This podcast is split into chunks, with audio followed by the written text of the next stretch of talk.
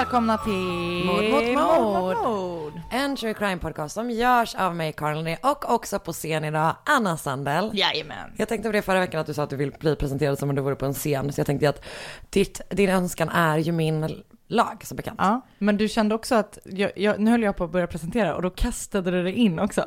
Du kan inte riktigt släppa. Gud. Det här är, du har kontrollbehov i alla andra sammanhang i livet. Det här är mitt enda. Ja, okej. Bara när det kommer till presentation. Det är okej. Vi sitter hemma hos dig. Det gör vi. Saknat dig hela veckan. Det har jag också gjort. Det är nästan exakt en vecka sedan. Jag vet, för lång tid. Det är väldigt lång tid. Det, du vill väldigt gärna äta snacks. Ja, jag Ja. ska inte. Åh, det här är ju verkligen en prövning för oss.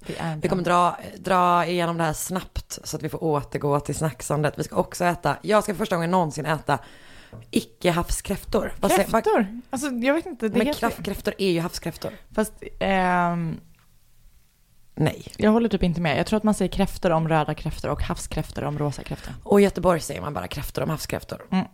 Ja, nog om det. Och det är helt sjukt att du aldrig har ätit eh, röda kräftor. Mm, mm. Ja, det är verkligen, eh, du lär mig så mycket. Nej, men Jo. ja, ja, okej. Mm. Det blir kräftskiva här och sandellska Gud. hushållet. Tänk om du har köpt sådana kräfthattar. Ingenting skulle göra mig mer stressad. Att du inte gjort det. Vad fan? Jag hade för bråttom. Ingenting, alltså det är mitt värsta när man du vet kommer till en fest eller är, ja men typ en kräftskiva Mm. och man inser att så här, nej nej, alla har på sig en kräfthatt. Men du har aldrig varit på kräftskiva heller? Jo det är klart jag har. Men då har ni inte ätit sådana kräftor? Nej, Nej men det är ju, alltså du, menar det är ju någonting, det lokalt. Att jag är från Göteborg. exakt. Ja, ja verkligen. Men för jag tänkte, jag var också på en, en fest där alla typ satte på sig kanske så här, men lite så här lustiga halsband, du vet sådana blomhalsband typ. Och min värsta situation är när man, för jag hatar ju sånt, jag får panik av att liksom klä ut mig och vara lite så spexig på det sättet. Det är verkligen inte jag. Eh, jag hatar ju också lekar. Det är för att du gillar att vara snygg. Exakt. jag vet klär att, alltid ut till något sexigt. Sexy nurse. verkligen. Slutty cat. Nej, men du vet när man kommer till en fest när alla är så här sköna about it. Och så kommer jag. Som är så här, jag vet ju om att jag måste sätta på mig den här jävla hatten. För annars är man så jävla oskön. Men allt i min kropp skriker nej. Där är vi olika. Jag gillar ju att sätta på mig en härlig kräfthatt och sådär. jag ser fram emot att se det sen. Ja. Hur mår du? Jag mår bra. Väldigt bra. Härligt. Hur mår du? Jag mår bra. Jag håller på med ett eh, projekt på jobbet som jag tänker att jag kan, som jag tror faktiskt skulle kunna intressera Mm. de som lyssnar. För det lite relaterat. En Mm. podcast är det. Som jag kommer kunna berätta mer om längre fram. Mm, Som är väldigt roligt. Fram emot. Väldigt, väldigt kul. Du, eh, innan vi berättar om fall, just det. Tre ord. Oj, oj, oj, oj, oj. Okej, Ehm, vi tar tio sekunder. Jag kommer klippa ner dem så ni behöver inte räkna. Okej, jag har. Mm. Ska jag börja? Mm. Har du? Mm. Då säger jag blommor, Mm. Bin. blommor, Ja. dödsstraff, bibel. Mm. Och vad säger du? Jag säger Kina. Det säger du Kanada. alltid. Nej, tyst! Kina, Kanada, ehm, snufffilm. Nej, Anna, inga snufffilmer. Mm. Ja, okej. Eller ska jag ändra mig? Eh, nej, men nu har jag redan sagt det. Ja. Eh, innan vi börjar, Mm. några tips. Ja. För förra veckan så pratade vi om några, men jag hade kvar några, insåg jag. Mm. Ehm, I am a killer på Netflix. Har jag inte sett. Nej, ehm, det är då liksom intervjuer med livstidsdömda, eller Jo, jag vet. Jag har visst Ja. sett. Jag har sett ett avsnitt. dömda, dömda fångar och typ även eh, stories runt omkring dem. Man pratar med familjemedlemmar, Ja. kanske med folk som jobbar i fängelset och så vidare. I am a killer på Netflix. Mycket spännande. Jag läser ju också boken Mindhunter Ah, ja, ja. av John Douglas, alltså han eh, ja, Mm. som Mindhunter är Demon baserad på. Ja. Exakt. Eh, så den håller jag på att läsa och den är ju förstås superspännande. Mm. Och sen tänkte jag att vi också skulle tipsa om Instagramkontot Google Mord. Ja. Tänkte jag på. Ja. Det är ett Instakonto som lägger upp liksom, eh, men rent geografiskt typ, var bilder på var olika fall har ägt rum. Mm. Både Sverige och internationellt och även typ lite andra bilder och skriver om fallen. Ja, och eh, jag fick det skickat till mig eh, från Caroline Stenvalls. Eh, jag har sett kontot. Ja. Punkt först har jag sett det. Ja. Och sen så var det den personen tror jag då, skickade bilder från Caroline Stenvall-platsen. Ah. Den har jag ju sett såklart, men det var ju ändå... Ja. Eh, ja, Det- det var så bara det tycker jag, om man vill typ ha lite mer true crime i sitt instaflöde. Mm, Så Kul. tycker jag att man kan följa Google Murd. absolut. Som jag brukar säga det. Mm. Ehm, vad letar du efter? Jag kollar en grej på Instagram. ja, men det är ett tips som jag har som jag håller på att kolla upp. Okej, kolla upp. Jag är klar, jag har hittat det. Jo, men det är ju så otroligt att jag fick ett message på Instagram. Det är kul att, det är kul att tänka att det var det som var otroligt. Men det är typ otroligt för jag hittar dem inte alltid, eller jag glömmer bort att titta, så att jag har flera olästa där, eller Ja. vet som ligger så.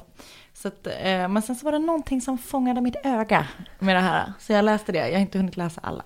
Och då så skrev hon, eh, tjejen Som hörde av sig. som hörde av sig, att hon liksom jag eh, gillar GV.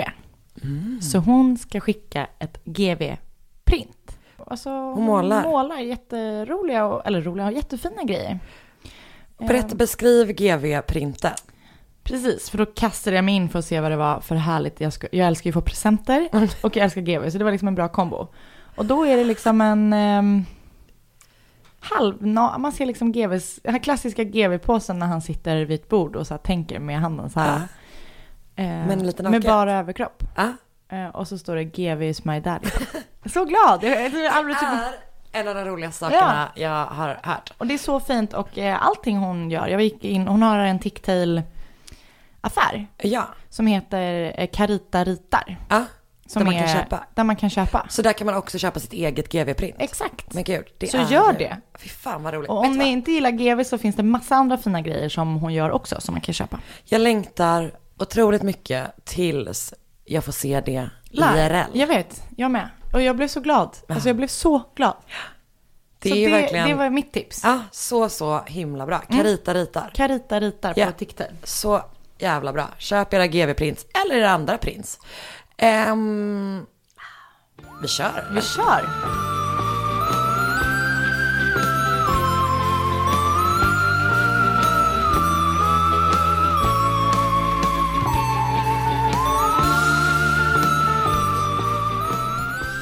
Jo, när vi släpper det här avsnittet så är det fyra dagar, fem dagar kvar till riksdagsvalet. Ja, Så att jag tänkte att det kan vara bra att påminna om vad som kan hända om rasism får genomsyra ett samhälle och därigenom ett rättssystem. väldigt bra. Ska du göra förintelsen? Eh, Jag skojar, det var, det var ett jättebra val av brott. Nej men eh, det har vi typ pratat om att så här, vilka fall som går till domstol och vilka som döms där påverkar serien av typ sexism och rasism i vårt samhälle idag. Så jag tänker att man kan fundera lite grann kring om man, det är någonting man vill främja eller motarbeta när man går till vallokalen på söndag. Bra. Ehm, så idag tänkte jag då berätta om George Stinney. Mhm. Som är ehm, en av de yngsta i amerikansk historia som har avrättats. Okej. Och det har typ gått runt en så här, lite, alltså jag upptäckte det för att jag typ såg en, en, liksom en Facebook-post om det. Så det har varit liksom en sån lite så här viral, du vet, eh, story som har gått runt om honom. Eh, så började jag läsa på om fallet och det är riktigt jävla obehagligt och sjukt och läskigt och eh, väldigt intressant också förstås. Så, sådär som de fallen man gillar är typ. Så den 23 mars 44 är 11-åriga Betty June Binnicker och 8-åriga Mary Emma Thames ute och letar efter blommor i Alculo, South Carolina. Och det är då inte särskilt förvånande kanske en sjukt segregerad stad. Eh, vita och svarta går i olika skolor, olika kyrkor, de bor på varsin sida av vä- järnvägen. Är typ så här, det är När liksom var det här? Förlåt. 44. 44. Ja. Mm. Ehm, så att de bor i den här staden på liksom den vita sidan och lever ett vitt liv, eller vad man ska säga, för det är verkligen så segregerat. Men här bor också då 14-åriga George Stinney Jr. Som bor med sin familj. De består av pappa då George Senior, mamma Amy, storebror John, lillebror Charles och småsystrarna Catherine och Amy. Så det är liksom Amy mamma och Amy dotter. Ja.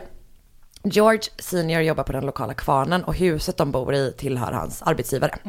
Så det är vår setup. Och samma dag som Betty June och Mary Emma cyklar runt i området Ja. eh, och letar efter blommor så leker George och hans lilla syster Amy i deras trädgård. Och när de två då flickorna typ åker förbi eh, så stannar de till för att de letar efter en blomma som, som heter maypops. Så de bara, vet ni vart det finns maypops? Det är tydligen passionsblomma. Jag vet inte ens vad det är när man säger Jag ser framför mig en smörblomma. Men en smörblomma är ju en smörblomma. Jag ser framför mig en blomma som ser ut som en passionsfrukt. Men det är nog bara för att jag eh, har begränsad fantasi. Jag ska googla, får jag det? Ja, det får det. Ja, jag lyssnar runt samtidigt, för jag kan göra två saker samtidigt. Absolut. Skryt, skryt, skryt. Ehm, ja, George och Amy säger då att de inte vet var de här blommorna finns som de letar efter. Och innan flickorna cyklar vidare på sin jakt så säger de typ så här, men vi cyklar ner till järnvägen. För där, kan vi, där brukar det finnas, så kan vi dra dit och leta liksom. Det är sista gången någon ser Betty June och Mary Emma i livet. Ja. Ganska likt en passionsfrukt, fast ändå inte. Om en passionsfrukt var en blomma. Just det. Bra. Fortsätt. Det är Eh. sista gången man ser dem i livet. Ja. Så när flickorna, alltså ganska men senare under kvällen, fortfarande inte har kommit hem så blir deras föräldrar förstås oroliga. Och snart är man igång och letar som fan typ. Alltså skallgångskedjor, polisen kopplas in och så vidare. Är de vita? De, flickorna är vita, exakt. Och eh, George och hans syster är då svarta. Eh, med bland de sökande så finns bland annat Georges pappa George Senior. Men typ så här, i princip hela stan är med. George Senior är också med för att hela, alla som jobbar vid kvarnen typ kopplas in. Så de letar super, super mycket. Men man hittar dem inte på hela kvällen och man hittar dem inte på hela natten. Men så vid halv åtta på morgonen dagen efter får man syn på fotsteg.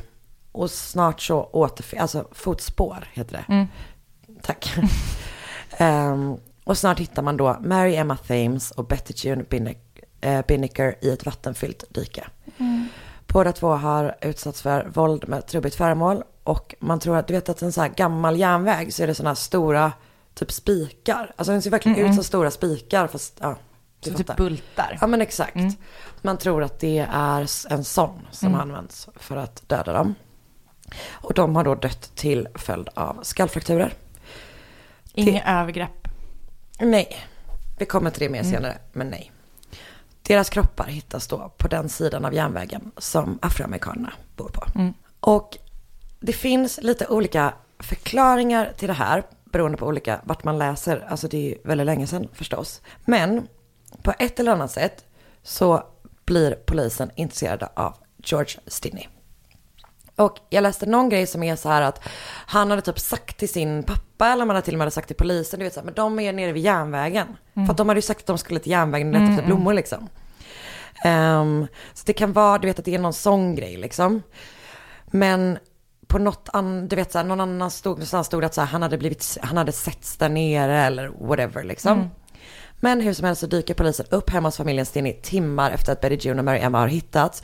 Och snart är då George, 14 år gammal, 155 cm lång och 40 kilo tung, gripen för mordet för de två, på de två flickorna.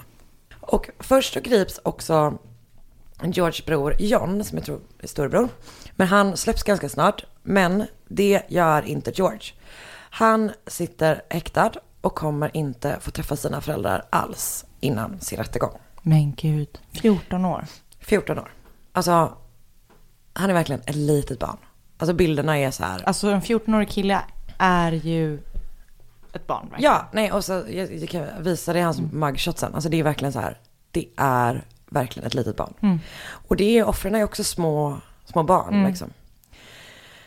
Inom en timme efter att man har gripit George så säger polisen att han har erkänt. Med Hedvigs hemförsäkring är du skyddad från golv till tak oavsett om det gäller större skador eller mindre olyckor. Digital försäkring med personlig service, smidig hjälp och alltid utan bindningstid. Skaffa Hedvig så hjälper vi dig att säga upp din gamla försäkring. Hedvig hemförsäkring, ett klick bort.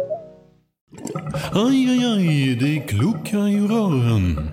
Men det är väl inget att bry sig om? Jo, då är det dags för de gröna bilarna. Spolarna behöver göra sitt jobb. Spolarna är lösningen. Ah, hör du? Nej, just det. Det har slutat. Eh, en av poliserna antecknar. I arrested a boy by the name of George Stinney. He then made a confession and told me where to find a piece of iron about 15 inches where he said he put it in a ditch about six feet from the bicycle. De hade med sig en cykel då, de här flickorna som man också hittade. Men det är liksom allt som finns. Alltså George har inte skrivit under något statement eller någonting, utan det är så här, det är det man har på det erkännandet, är att den här polisen har skrivit den här anteckningen då. Ehm, och polisen påstår då att han har berättat, alltså George har berättat att han vill ha sex med Betty June. Men att han inte kunde det förrän han mördade Mary Emma. Så det har han, ska han då ha gjort först. Men när Betty June inte heller ville ligga med honom så mördade han henne också. Och båda, som sagt, ska ha slagits med den här stora bulten eller spiken. Eh, ingen av flickorna har blivit våldtagna. Men eh, det finns typ några records som säger att där, Betty June hade typ eh, blåmärken nära sitt underliv. liksom. I förhöret med George, återigen 14 år gammal, eh, är varken en förälder eller en advokat med. Alltså han är helt ensam. Det finns de som säger typ att så här, de bara, du vet, så här, muta honom med mat, muta honom med glass, typ, alltså liksom, Ja. verkligen så manipulerande. Det är bara, det är han och så här flera vita manliga poliser i det här rummet. Och det här är då lite drygt 20 år innan det blir lag att informera, du vet, the Miranda rights. Att man måste säga, you have the right, right to remain, remain silent. Det, det kallas ju då för the Miranda rights. Och då hamnade det på ett litet sidospår. Eh, för att det var, men det var inte in place då. Så det var ingen som sa så här, du har rätt till en advokat. Sen ett barn kanske fortfarande inte Nej, fattar. nej. Men så här, de behövde inte ens informera om att han hade den rätten. Eh, och det, alltså att det heter så, är på grund av ett fall där en man som heter Ernesto Miranda erkände kidnappning och våldtag, våld, våldtäkt. Men hade inte blivit informerad om sina rättigheter tidigare typ. Så det blev ett sånt fall, du vet, Miranda versus Arizona. Och det resulterade i att polisen alltid måste informera om att man har rätt till en advokat och inte behöver säga något. Och så, ja, så. Så, när folk i stan får höra då att George Stinney är ansvarig för morden så går det liksom från sorg och chock och du vet så till ren och skär jävla ilska. Man vill verkligen lyncha George. Alltså det är verkligen så här, man är ute efter blod, man vill, man vill storma fängelset, storma häktet liksom. Så polisen flyttar honom till ett annat häkte som ligger åtta mil från hans hemstad. Och George, så fort typ som han grips så får också hans pappa sparken från sitt jobb. Och om du minns, deras hus hade de på grund av hans jobb, så de har inget hus heller. Och de uppmuntras också att lämna stan för att undvika att bli lynchade. Och så började det gå rykten om George, att han ska typ ha varit en sån mobbare som slogs i skolan. Att han en gång hotade en typ av en liten flicka med en kniv. Och typ familjen bara säger så här, det är inte sant. Eh, någon kvinna säger att han hotade att mörda henne och hennes kompis dagen innan morden begicks. Alltså det är så här, det bara eskalerar mer och mer och mer och mer och mer liksom. Så under tiden han då väntar på rättegång sitter han isolerad. Alltså han förhörs ensam, han liksom lever ensam, han sitter i en jävla cell där. Han får liksom inte träffa någon. Ehm, och jag tror typ inte, alltså det känns inte som att det går att sätta sig in i Nej. det som vuxen och ännu mindre när man är ett barn och inte fattar någonting. Alltså man fattar ingenting liksom. Hans enda tröst är en bibel. Det är den han har liksom. Mm. Och den har han med sig hela, hela tiden. Alltså det finns bilder från när de typ flyttar honom till olika ställen. Han går alltid med en, med en bibel i handen liksom. Så, nästan precis en månad efter morden, den 24 april 44, är det dags för rättegång. En månad efteråt. Det är så jävla, jävla kort tid. Och eh, rättegången äger då rum i samma county där morden har begåtts. Så du kan ju tänka dig ungefär Ja. den liksom stämningen. Alla känner till det. 1500 personer kommer till domstolen för att se hans rättegång. Men svarta människor är förbjudna. Ja. Så det är liksom Såklart. 1500 vita människor som är där. Och hans familj har ju då mer eller mindre drivits från stan. Så de är inte heller där och de kommer, alltså du vet, han är liksom helt ensam fortfarande. Hans advokat är en 30 år gammal man som aldrig haft ett brottsmål i rättegång. Och han har börjat satsa på en politisk karriär. Så han vill ju inte uppröra Nej, nej. de som är där. Liksom. Ehm, han är ute efter typ deras röster. Så att det är så här, ja det är klart som fan. Han ville, typ, han ville nog uppfylla det han var tvungen att göra som advokat. Ja. Men inte mer än så. Nej. Liksom. Alltså jag tänker på hela tiden på ehm, den The Green Mile Just det. Och eh, To Kill a Mockingbird. Mm. Ja, verkligen. Verkligen så. Och det blir liksom, alltså det blir bara värre. Mm. Ehm, klockan tio på morgonen så börjar jury selection. Och åklagaren säger nej till fyra potentiella jurymedlemmar och försvararen säger nej till åtta. Så när klockan är 12.30 har man sina 12 medlemmar. De är liksom, det är så klart. Det är 12 vita män från området som ska avgöra huruvida George Stinney ska liksom, ja, vad som ska hända med honom. Ingen, alltså advokaten protesterar inte mot det här, ingenting. Och det var ganska intressant för att typ så här, jag läste en artikel, ja, du vet, man hamnar på så mycket, eller det var så mycket som var så spännande och deprimerande och som man ville typ ta in. Så jag läste um, om racial bias vid, eh, när man väljer jury. Ja. Att men det är väldigt, väldigt ofta som svarta döm, alltså väljs bort. Och typ hur det påverkar rättssystemet. För att jag menar jurysystemet är ju helt galet. För det handlar ju om vem man kan identifiera sig med. Det är djupt deprimerande. Så, halv tre börjar rättegången. Alltså vi är fortfarande på samma dag. Fortfarande bara en månad efter det Så här. sjukt. Och åklagarens starkaste bevis är då George erkännande, citattecken. Ehm, och att man också lyfter fram typ det vidriga att han mördade, mördade Mary Emma för att kunna våldta Betty June. Du vet att det är liksom så här, att det, lyfts fram. blir, ja. Ehm, trots då att det inte finns några bevis på att någon av flickorna faktiskt har utsatts för sexuellt våld. Polisen som hittade flickorna vittnar om hur de typ låg i diket, hur de hittade Betty Junes cykel och typ vilket fruktansvärt våld de utstått. Vilket de verkligen, verkligen har. Och det är fruktansvärt Alltså det är att ju det jättehemskt hände. det som har hänt med flickorna. Ja, Det är ju ingen som inte tycker det. men typ ett gigantiskt fel ger, gör liksom inte det andra ett gigant, ja, Nej. så.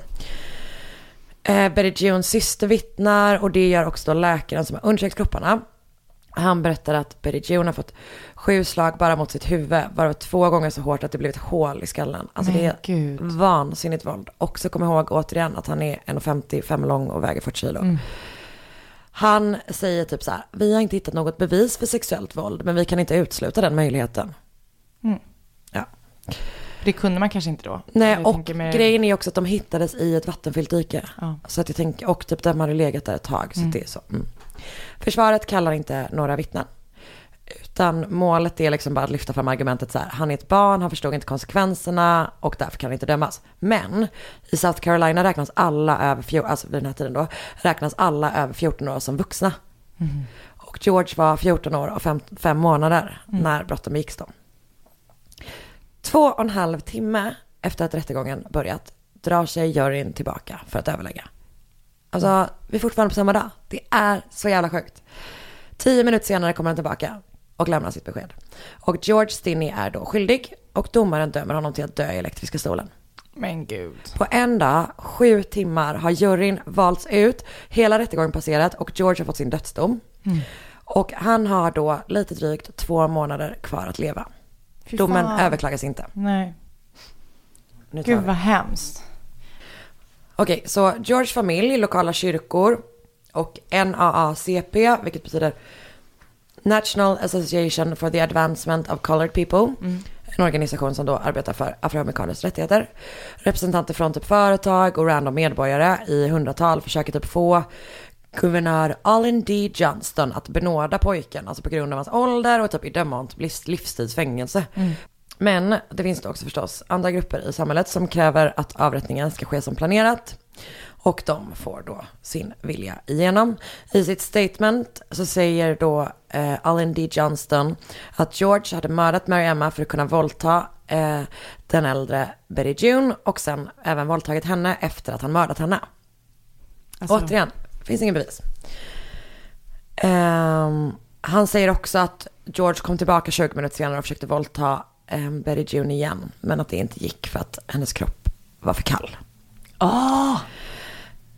Den 16 juni 1944, 83 dagar efter att Betty June Binnicker och Mary Emma Thames mördades, så leder då fängelsevakter George Stinney Jr. till elektriska stolen. Sen han greps har han fått träffa sin familj en enda gång. I övrigt har han varit isolerad. Jag tror han fick träffa typ någon pastor, men det är liksom. Han har med sig sin bibel till sin avrättning.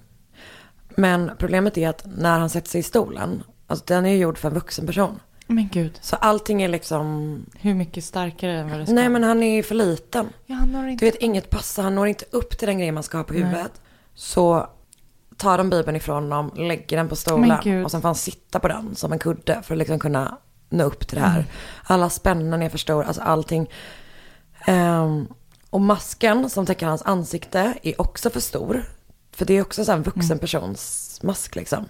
Så när strömmen då går genom hans kropp så trillar liksom masken av. Typ. Så fyra minuter efter att man inlett avrättningen så dödförklaras George Stinney och han är då en av de yngsta som någonsin avrättats i USA, åtminstone i modern tid.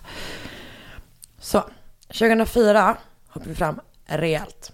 Så läser då George Frearson, som är historiker som växte upp i Alcolo, en artikel om George Stinney och börjar göra research om fallet.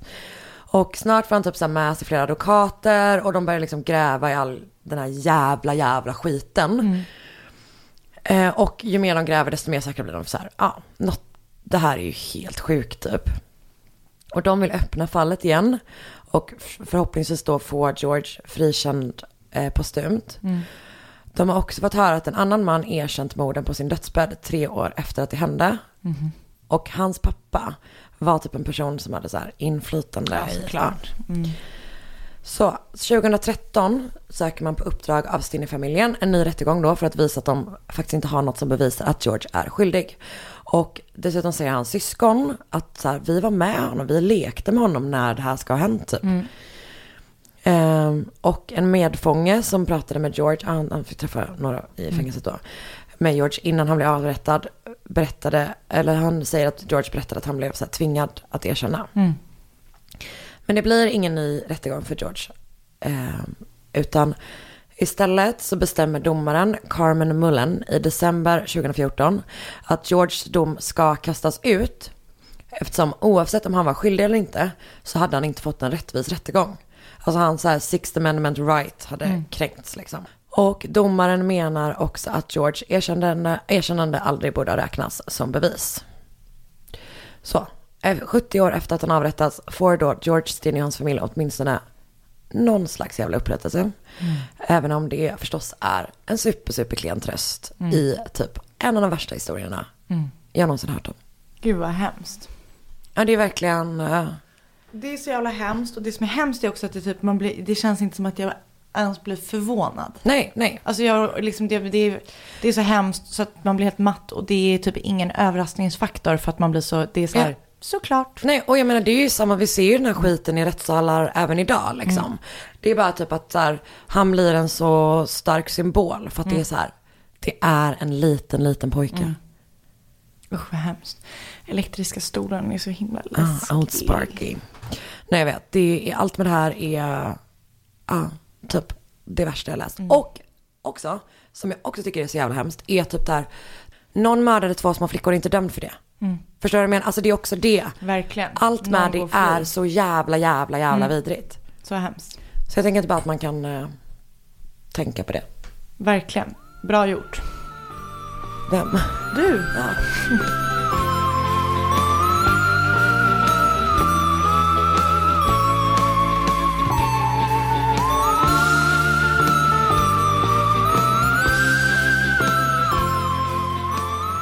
Okej. Okej. Om du hade ett gammalt fall så har jag ett ganska nytt. Mm. Spännande. Kul. Så lätt, lätt spänd höll jag på att säga. det är ganska spännande. Den 24 juli 1982. Det var inte så nytt. Nej. Föddes, förlåt. föddes en person som döptes till Eric Clinton Kirk Newman i Scarborough i Ontario i Kanada. Eh, när Eric var 21 år gammal, jag vet inte någonting om hans uppväxt egentligen. Eh, men när han var 21 år gammal så började han dyka upp i olika porrfilmer. Han eh, började då jobba som strippa och även som eskort. Och utöver de här tre yrkena så verkar han ha eh, modellat lite grann. Han var också med i en kanadensisk reality-serie som heter, eller hette, jag vet inte om den finns, eh, Cover Guy. som verkar vara som ett toppmodell. Har du sett det? Nej, nej, nej. Får jag bara... Ja, Ja. du vet. Magnara. Mm. Det här Eh, fallet. Ja. Så glad att du gör det här. Ja. Eh, han var då med i en kanadensisk realityserie som heter Cover Guy, som är som toppmodell, fast för killar, eh, där de tävlar om 1000 dollar i cash, en photoshoot, eh, ett, år, ett års medlemskap i gymmet Good Life Fitness Club och att få vara på omslaget av About Magazine. Eh, Cover guy är ett otroligt namn. Ja, det är någon sån... ehm, Cover guy. Eh, det verkar också som att det här programmet har funnits i Sverige under någon gång. Jag har inga minnen av det. Så jag vet, det gick kanske på någon sån konstig kanal. Ehm, och Eric genomgick också eh, massor av plastikoperationer och ställde också upp i ett program som heter Plastic Makes Perfect under 2008 eller 2009, för jag har skrivit båda siffrorna. Bra. Ehm, under år 2005 började Eric glida in på brottets bana. Han dömdes då för urkundsförfalskning och för bedrägeri. För han hade låtsats vara en kvinna, eh, vet inte exakt hur, och ansökte om kreditkort. Och så gick han lös på någon shopping spree där han eh, spenderade mer än 10 000 dollar. Men han a- erkände sig skyldig till de här anklagelserna och eh, dömdes till nio månaders villkorlig dom. Där jag först hade skrivit när jag, när jag liksom höll på att läsa eh, artiklar om det här, frivillig dom. Sen så bara, det kan inte stämma att det heter det. Mm, eh, nio månaders villkorlig dom. Och efter den här domen så bestämde han sig för att det var dags för en förändring i hans liv. Och han bestämde sig för att byta namn. Så den 12 augusti 2000 namn 2000. 2005 bytte han namn till Luca Rocco Magnotta. Vilket är det porrfilmigaste namnet jag någonsin hört. Ja, och han har ju haft en hemlig önskan om att vara italienare. Ja. Tänker jag, utan att känna honom. Inte så hemlig va? Eh, och ett drygt halvår senare så ansökte han om konkurs. Och han hade då 17 000 dollar i skulder. Aj då. Det är inte som Lyxfällan som jag såg för några veckor sedan. Där det var ett par som gemensamt hade en miljon i skulder på bara alltså kreditskulder. Ah. Så inga så bolån, inga studielån, bara kreditskulder. En miljon. För att han var spelmissbrukare. Aj vad sorgligt. Så mörkt. Gud, vad- Älskar och hatar det programmet. Ah, gud vad sorgligt. Ehm, och han, eh, Luca, höll på massor på sociala medier och på internet in general. Och han skapade massa olika konton där han låtsades vara olika personer. Och han planterade så här massa olika rykten om sig själv. Ett sådant rykte var att han, eh, Luca då, skulle haft ett, eh, en relation med Carla Homolka. Just det. Som vi har pratat om här väl? Mm, mm. Eh, jag Du tror att det är jag om som har gjort det. Ja. Eh, och hon då begick ju tillsammans med sin man eh, massa våldtäkter och mord, bland annat på hennes syster. Så hemskt. De hade ju inte haft en relation, utan det var ju bara något rykte som han startade. Gud, om man ska ljuga om att man har varit ihop, varit ihop med någon, kanske välj Så konstigt. någon annan. Mm. Eh, och det vi ska senare visa att han hade upp till 70 olika Facebook-konton och eh, 20 olika hemsidor som var registrerade under hans namn. Med olika Så innehåll. utmattande. Så konstigt. Det som händer i maj 2012, då korsar, korsas Luca Magnottas väg med den kinesiska utbytesstudenten Lin Yun. Ingen vet hur de har träffats. Eh, Lin Yun kommer från Wuhan i Kina till Montreal i juli 2011. Där han då kallade sig själv för Justin Lin istället. Eh, och Justin, eller Lin, pluggade på Concordia University där han läste computer science och ingenjörskonst. Vet, vet inte om det är rätt ord. Han läste till ingenjör. Och så jobbade han extra, som vi alla vet vad det betyder när man jobbar extra, som eh, butiksbiträde i en närlivsaffär. Eh, och de träffas då i maj 2012. För den sista gången man ser Lin, Justin Lin i livet är när han går in i Luca Magnottas hus. Övervakning. Övervakningskameror. Ja. Hans kompisar eh, fick ett sms från honom klockan 21 samma kväll. Men det är det sista som är livstecken från honom. Hans chef i den but- närlivsbutiken där han jobbar tyckte att det var konstigt när han inte dök upp på jobbet dagen efter, för han var liksom en skötsam person. Ehm, så han kontaktar hans kompisar som åker till hans lägenhet och sen anmäls han försvunnen först fem dagar senare. Så den 29 maj. Och ehm, det som händer nu är väldigt läskigt Ja. och obehagligt. Jag håller mig. Ja.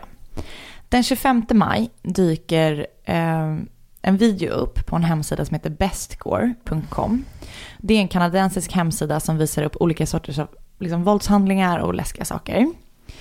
Och videon är 11 minuter lång och heter One Lunatic, One Ice Pick. Vilket ju är, Two En- girls, one cup. men, också, ja, men, kanske, men också Three Guys, One, Ja. one Hammer. Ja. Som ju är de, dina Prutrusk Maniacs. Exakt. Mm. Men för det känns som att man döper filmer sådär på det. För du vet väl vad Two girls, one cup Ja, är? Ja. det är klart jag vet. Eh, Min bästa. Jag vet. eh, nej men det känns som ett klassiskt namn. Ja. Men den här heter One Lunatic, One Ice Pick. Och i videon ser man en man som är fastbunden vid en säng. Och när han ligger där så blir han huggen upprepade gånger av en ishacka och en kö- kökskniv. Han blir sedan styckad på filmen och sedan får man även se nekrofili utföras på något sätt på kroppen. Jag vet inte mer och har inte forskat närmare i vad det är för typ av nekrofili. Eh, förövaren, eh, som man ser i filmen, använder en kniv och gaffel för att skära i kroppen och sedan matas delar av kroppen till en hund. Ja, det är så grovt. Det är så hemskt. Är så Någon kanadensisk myndighet, oklart vilken, ska ha fått en längre version på, skickat till sig också, där även kannibalism eh, utförs. Eh, en dag senare, alltså den 26 maj, två dagar efter han har försvunnit, försöker en advokat att anmäla den här filmen till Toronto-polisen, men ingenting händer direkt. Och eh, han försöker också anmäla till FBI, men av någon anledning så går liksom anmälan inte igenom. Ja. Även folk som såg den här filmen på den här sajten Bestgore försöker anmäla den. Eh, men liksom, det händer ingenting. Det är liksom illa när de som har gått in på en sajt som heter Best Gore bara, mm, det här var lite för för grovt. Great Gore. Eh, men polisen skulle ju då senare kunna konfirmera att filmen faktiskt var en autentisk film. Eh, några dagar senare, nämligen den 29 maj klockan 11.00 levereras ett paket till huvudkontoret för The Conservative Party of Canada. Paketet luktade illa, det hade ett rött hjärta på sig och det var även nedfläckat med blod. Paketet som de tog emot innehöll en vänsterfot. Samma dag så stoppades ett paket, ett annat paket som var på väg till det liberala eh, partiet. Eh, det innehöll någonting annat. Mm, en annan kroppsdel liksom. Ja. Du bara, nej det var en helt annan. Nej precis, det innehöll en bok. Så spännande. Någon annan kroppsdel. Ja. Ehm, samma dag igen då, fortfarande 29 maj, hittar en vaktmästare en resväska utanför ett hus i en gränd som innehåller en ruttnande torso.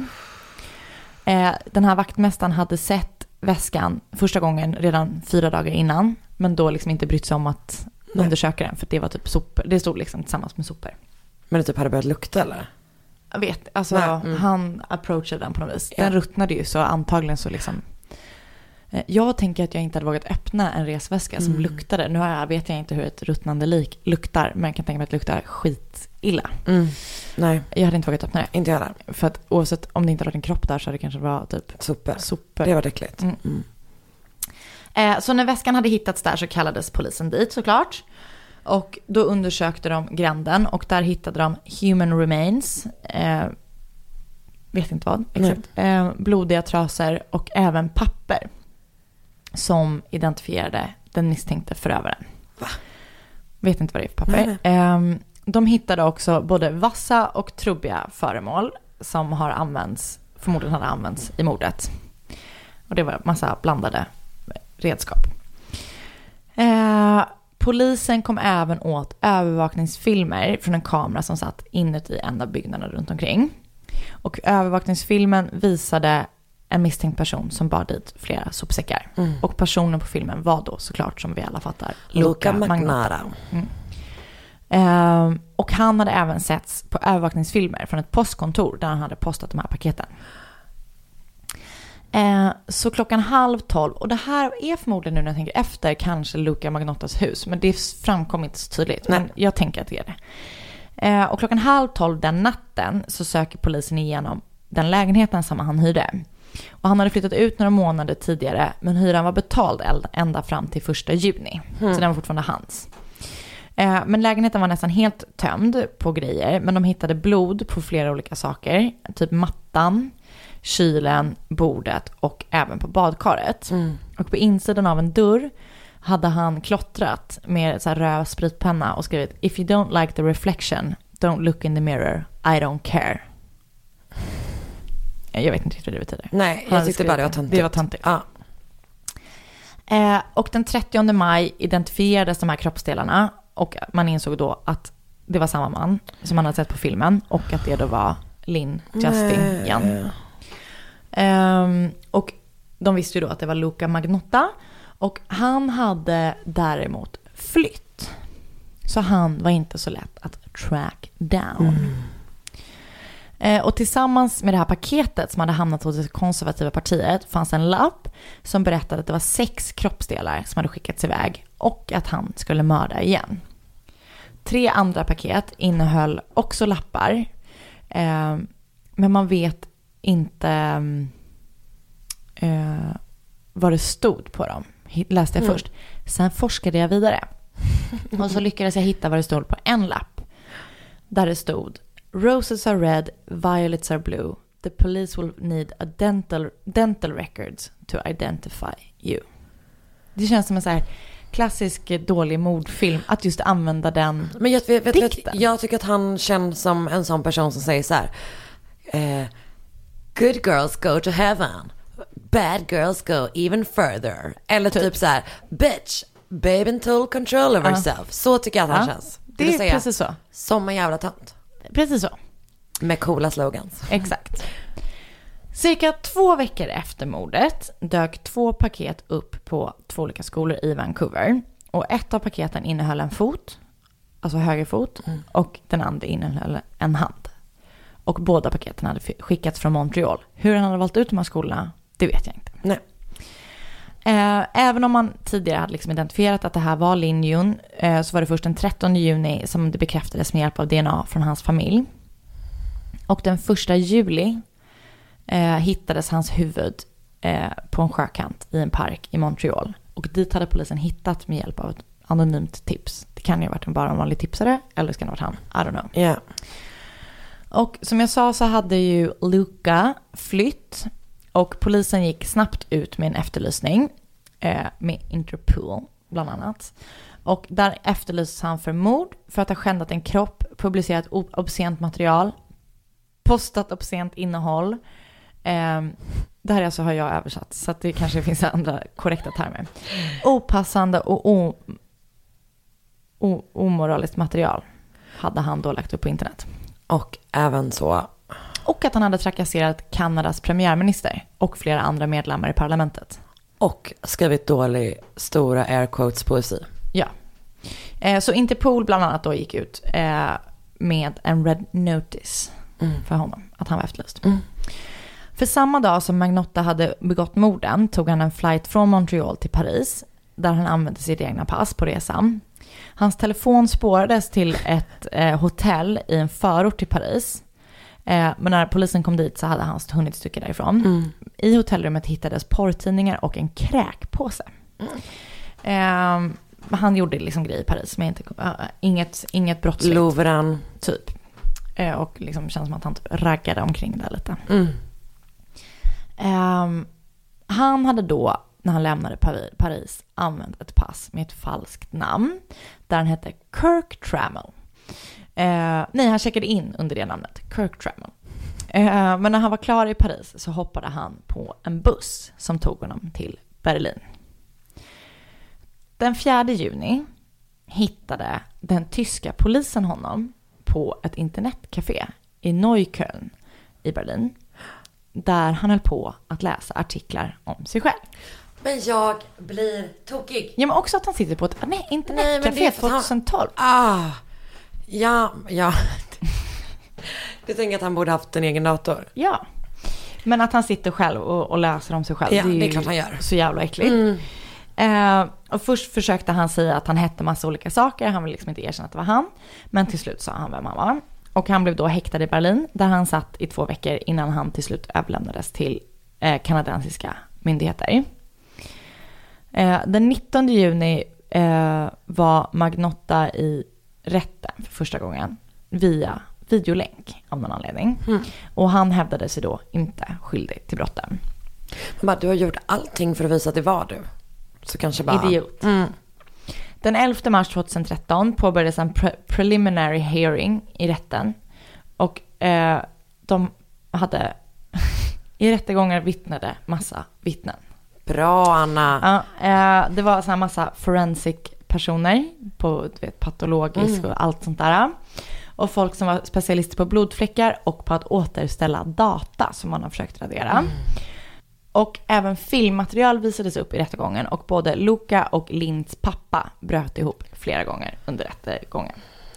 Den pågick i 12 veckor och eh, Luca och hans försvarsadvokater hävdade flera, liksom, de, att han hade mental disorders och att han då inte skulle kunna eh, dömas för det. Mm. Eh, och medan åklagaren då hävdade att mordet var organiserat och överlagt av Luca. Och han, åklagaren sa att han var purposeful, mindful och ul- ultra organized and ultimately responsible for his actions. Ja, bra. Eh, juryn överlade sen i åtta dagar och kom fram till att han var skyldig på alla punkter. Och han eh, dömdes till livstid med möjlighet till parole efter 25 år. Väldigt konstigt. Och till this day så vet man inte hur de två har stött på varandra. Vilket är ett jävla mysterium. Ja, för att det är inte det att han jobbar i närhet i den här, när, alltså den här butiken typ. Alltså det är mycket möjligt. Två teorier. Jag tänkte att de hade träffats på typ en dejtingsajt. Exakt, det tänker jag också i och med att han ändå var så närvarande Ja. Och, on the web som du och brukar säga. Jun, eh, Lin Jun var också homosexuell. Ja, Eh, fast han inte hade det- berättat det för eh, sin familj. Sådär. Men eh, så det är ju fruktansvärt hemskt allt det här. De kände ju inte varandra, det var bara helt eh, slumpmässigt. Och den här Luca är ju då en fruktansvärd människa, om jag får säga det vad jag tycker. du får det. Eh, Det är din podd. Tack. Eh, för inte nog med att han har begått det här otroligt hemska mordet, men man misstänkte också och vet att han låg bakom filmer som publicer- publicerades på YouTube, där han både plågar och dödar katter. Och han ska ha använt sig i det här plågeriet, dammsugare och en orm. Vilket är så himla läskigt, för jag hatar ju ormar. Men han sitter i alla fall där han sitter, Ja. i finkan. Och i finkan så la Luca i juni 2015 ut en datingannons på en hemsida som matchmaker fångar med varandra. Du skojar, har du hittat den? Ja. Där han söker sin Prince Charming. Så här skrev han i sin annons. Seeking single white male, 28 to 30 years of age, white and in shape. Um, fortsätter. One who is loyal, preferably educated, financially and emotionally stable for a long-term committed relationship.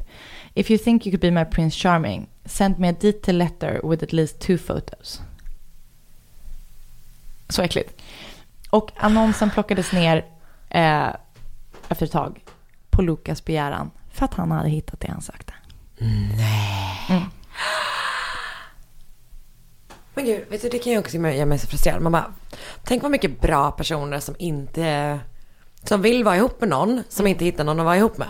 Däremot Luca Magnara, som är en person som utöver att han är en vidrig jävla person, alltså på alla sätt och vis, också är en sån jävla tönt. Sånt tönt. Men visst är hela grejen typ att så här, varför han gjorde det här, var för att han ville vara någon. Ja, alltså han, precis, han vill ha uppmärksamhet och är helt galen människa. Ja, det är, ah det där fallet är verkligen helt... Och det finns en massa så här övervakningsfilmer när han glider omkring i typ en, en svart peruk på flygplatser. Och du vet när man ser filmer, övervakningsfilm från hans hus. Ah, Det är så här, han går förbi en spegel och så här, alltså han är sjukt vain. vain, verkligen. Ah, cover guy. Ja, jag menar det.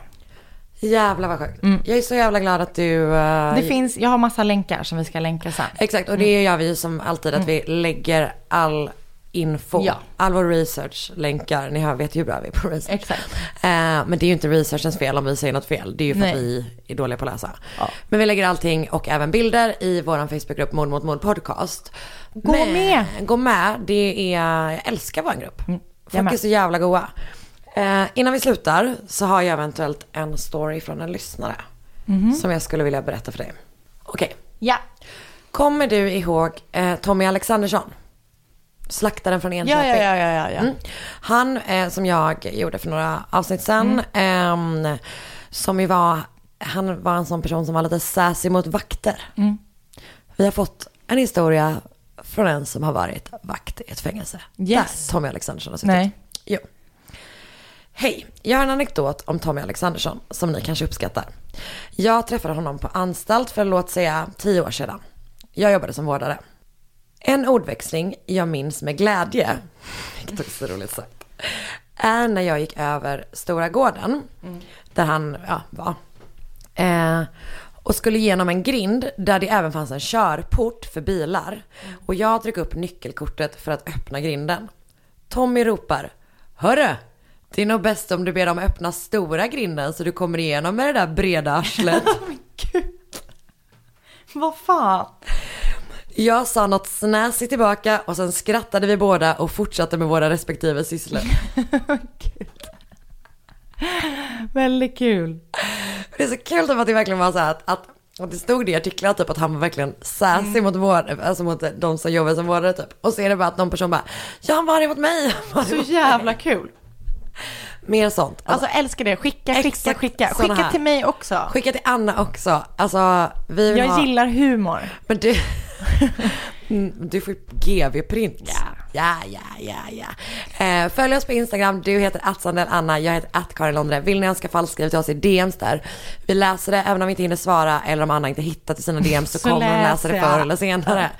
Eh, så gör det och så hörs vi. Nu ska vi äta kräftor! Nu är det kräftor. På med hatten Anna.